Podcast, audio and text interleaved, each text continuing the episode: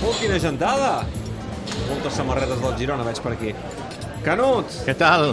Això sembla, sembla Montilivi, tu. Sí, que, que, que hi ha més gent del Girona que del Barça. Sí, aquí, sí, sí, sí. Bueno, jo no sé si aquests són del Girona i també del Barça, m'imagino que molts d'aquests són del Girona i del Barça, perquè ahir vaig escoltar una entrevista magnífica que li van fer aquí al Tot Costa al director general del Girona i diu que un 70% dels abonats socis del Girona són també del Barça. Sí, clar, I- avui farà, avui explicava el Solà, avui farà que hi haurà segurament molts aficionats que són socis del Barça, que tenen Correcte, localitat, correcte. que amb la samarreta Que del estic- Girona, perquè són també del Girona, estaran aniran a molt, veure el Camp Nou. molt, com comentava la Laia, estaran molt escampats pel, pel, per la graderia del, del Camp Nou. No, no estaran concentrats únicament allà a la zona del gol del sud, on es situen les aficions eh, contràries, sinó que estaran molt escampats per tot el, tot el Camp Nou. I has vist aquí la gentada, molta gent m'ha vingut a dir que teníem ganes de conèixer Volien saber com era Barça." l'Snac Barça i bueno, sou del quan- Paco, no? Home, quan han vist el Paco, escolta'm, sembla que el coneixen de tota la vida. I, eh? i escolta'm, i el Paco i els culers tenen I, el bueno, cor és dividit que més avui o no? més d'un s'està fotent una Golden Koeman, eh? Sí, ja ho he vist, Eh? ja. ja ho he vist. Escolta'm, i el, pa i el Paco i els culers eh, eh, El Paco i els culers... el cor vo- dividit o no? No, el Paco, el Paco i els, cul- home, els culers, els culers que són només del Barça, doncs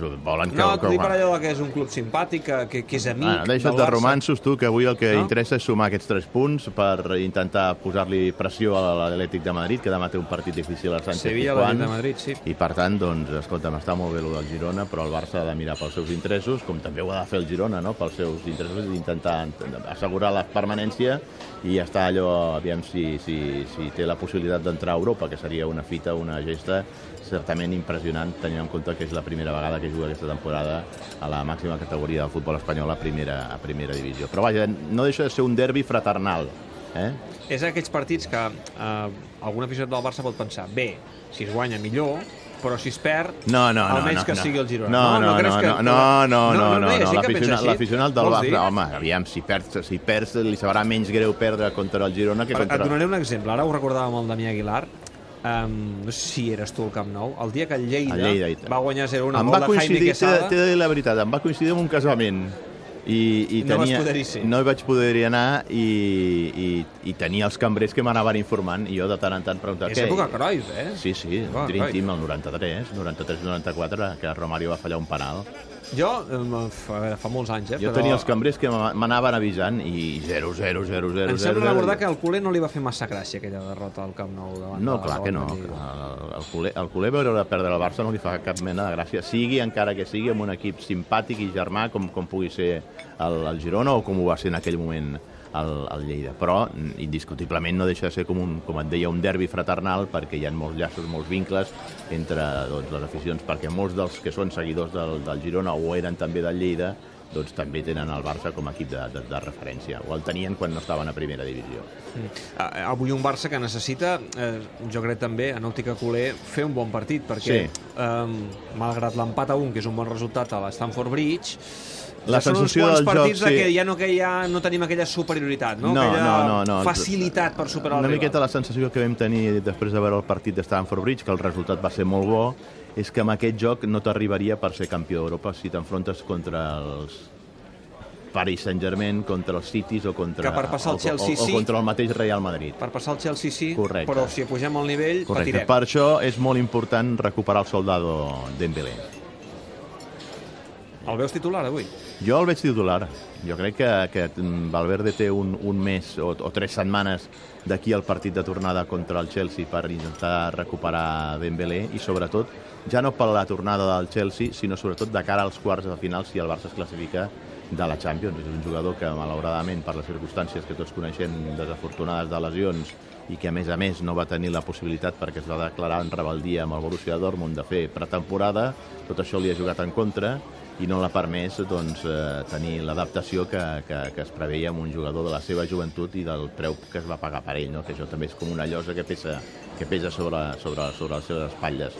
Però és molt important que el Barça li falta aquesta peça complementària de desequilibri que obri el joc per la banda i encari en els 1 contra 1 amb l'absència de, de Neymar, que hauria de ser Dembélé, que aquesta va ser la gran aposta de la secretaria tècnica, quan va tenir la possibilitat de fitxar també Mbappé, es van decantar per un jugador més de banda, més, més que encara és l'1 contra 1, com és el cas de, de, de Dembélé, i per tant eh, falta que aquesta peça pugui encaixar i pugui aportar la, la, en el tram decisiu de, de, decisiu de la temporada aquest desequilibri que se li troba a faltar al Barça i, o que únicament en el Barça se li veu a, a Leo Messi. Un Messi, per cert, suposo que no estàs al cas, eh, se li ha mort eh, l'avi matern. Eh, avui hem conegut, eh, dies que ens arribaven des de l'Argentina, eh, la mort de la, d'Antonio Cucitini, eh, que era l'avi el, matern. El, el marit de l'àvia marit de la a, la Cèlia. a la que li dedica els gols. Ah, això mateix, això mateix, que són els avis, diguem-ne, que ell estava més vinculat, perquè Sí, sí, ell ho sí, explica sí. moltes vegades que eren els avis que l'acompanyaven Sí, sempre, sí, sí, quan era sí. molt menut, a Sí, Rosario, sí, sí, sí. als partits de Especialment futbol. l'àvia, especialment l'àvia. Però... Sí, eh, per tant, no sé quin Messi veurem avui, eh, però... Bueno, m'imagino que mm, per una banda, òbviament, afectat per, per la pèrdua d'aquest eh, familiar tan eh, proper, però m'imagino que també motivat amb les ganes d'intentar fer algun gol per poder-li dedicar al, al, al seu avi, no? Sí, està clar. Um, Leo Messi, que el necessita el Barça... Uh, no Leo Messi que l'ha atrapat Cristiano Ronaldo amb el nombre de gols aquesta temporada, eh? Eh, bé, a la Lliga són 14 contra 20. Sí, però en el, Eh? en el còmput total porten 28 cadascun. Clar, si comptes també les altres Madrid, competicions. déu nhi eh, avui? Bé, però... Però vo- No, vols no, dir, no, vols dir que no, el- no, no li vols dir que restem mèrit, no, no li mira cap al. Bernabéu encara? No, el culer no mira cap al Bernabéu a la Lliga, però sí de cara a la Champions. Eh? I el Madrid està, està presentant credencials en els últims partits de ser un equip que, que ha recuperat la famosa pegada i que és un rival, en el cas que et pogués tocar a la Lliga de Campions, perillós, perillós, perillós, i si no, que li diguin al Paris Saint-Germain. La BBC s'ha entonat, especialment Cristiano Ronaldo, i...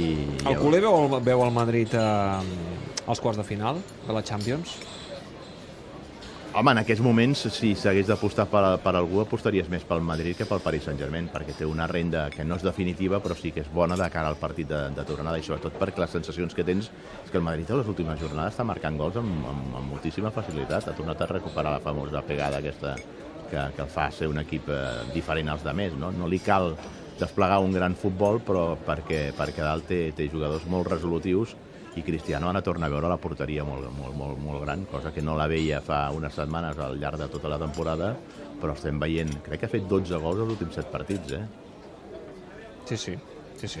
Bé, en fi, eh, veurem... Sembla com el- si el Madrid- costa reconèixer-ho, però és així, la realitat és aquesta, És evident i que el Madrid està reaccionant, però el Barça té la Lliga ben controlada i simplement No, el sí, que a la, fer és a, a, administrar el a, la, possible. a la Lliga el Barça no, no s'ha de preocupar al Madrid, s'ha de preocupar sobretot d'ell mateix, però, però és obvi que, que el gran repte de la, de la temporada, més enllà del campionat de Lliga, és la Champions, i en aquest sentit el Real Madrid eh, ha presentat eh, candidatura, ha presentat les seves credencials, tant amb el partit contra el Paris Saint-Germain pel resultat, no pas pel joc, perquè jo crec que va ser superior fins i tot el Paris Saint-Germain al Real Madrid, però no va saber-ho aprofitar i quan no ho aprofites davant d'un equip com el Madrid aquest t'acaba matant. Però, però de, cara, de cara a aquesta Lliga de Campions el Madrid, si supera aquesta eliminatòria contra el Paris Saint-Germain, que en aquests moments podríem dir que està 60-40 a favor del conjunt blanc, el Madrid és un rival temible a, doble partit eh, en una competició curta com és aquesta de la Lliga de Campions. Lluís, me'n vaig cap a dalt. Eh, setmana que ve, per cert, eh, tenim partit... Entre setmana, eh? Sí, hi ha dijous Les Palmes i diumenge Barça Atlètic de Madrid. Eh? Eh, No sé si serà el partit que pot definir la Lliga o li pot donar vida a la Lliga. Eh, també cal veure què fa demà l'Atlètic al Pizjuán, que no és un partit fàcil. Eh, però vaja, mm, coses interessants del que Demà, s'han de ja t'ho decidir. dic jo, 0-1 i Oblak a parar-les totes. Eh, sí? Que és el guió, que és el guió de No acostumes a l'Atlètic. fallar amb les teves prediccions. En fi, Lluís, disfruta del partit avui. Doncs sí senyor, que disfrutarem. I també aquí a l'Snack Barça Perquè m'imagino que hi haurà molt d'ambient i valdrà la pena no perdre Si avui guanya el Barça no hi ha manteig, eh? Avui no, eh? No, avui no, home, no. O, o igual el mantell, com guanya, com guanya el Girona, igual venen tots aquests una altra vegada, a l'acabar el partit i mantejar. i mantell el Paco. Compte eh? amb el sostre. Vinga. Gràcies, Lluís. Que vagi molt bé, fins la setmana que ve. Adéu, Paco.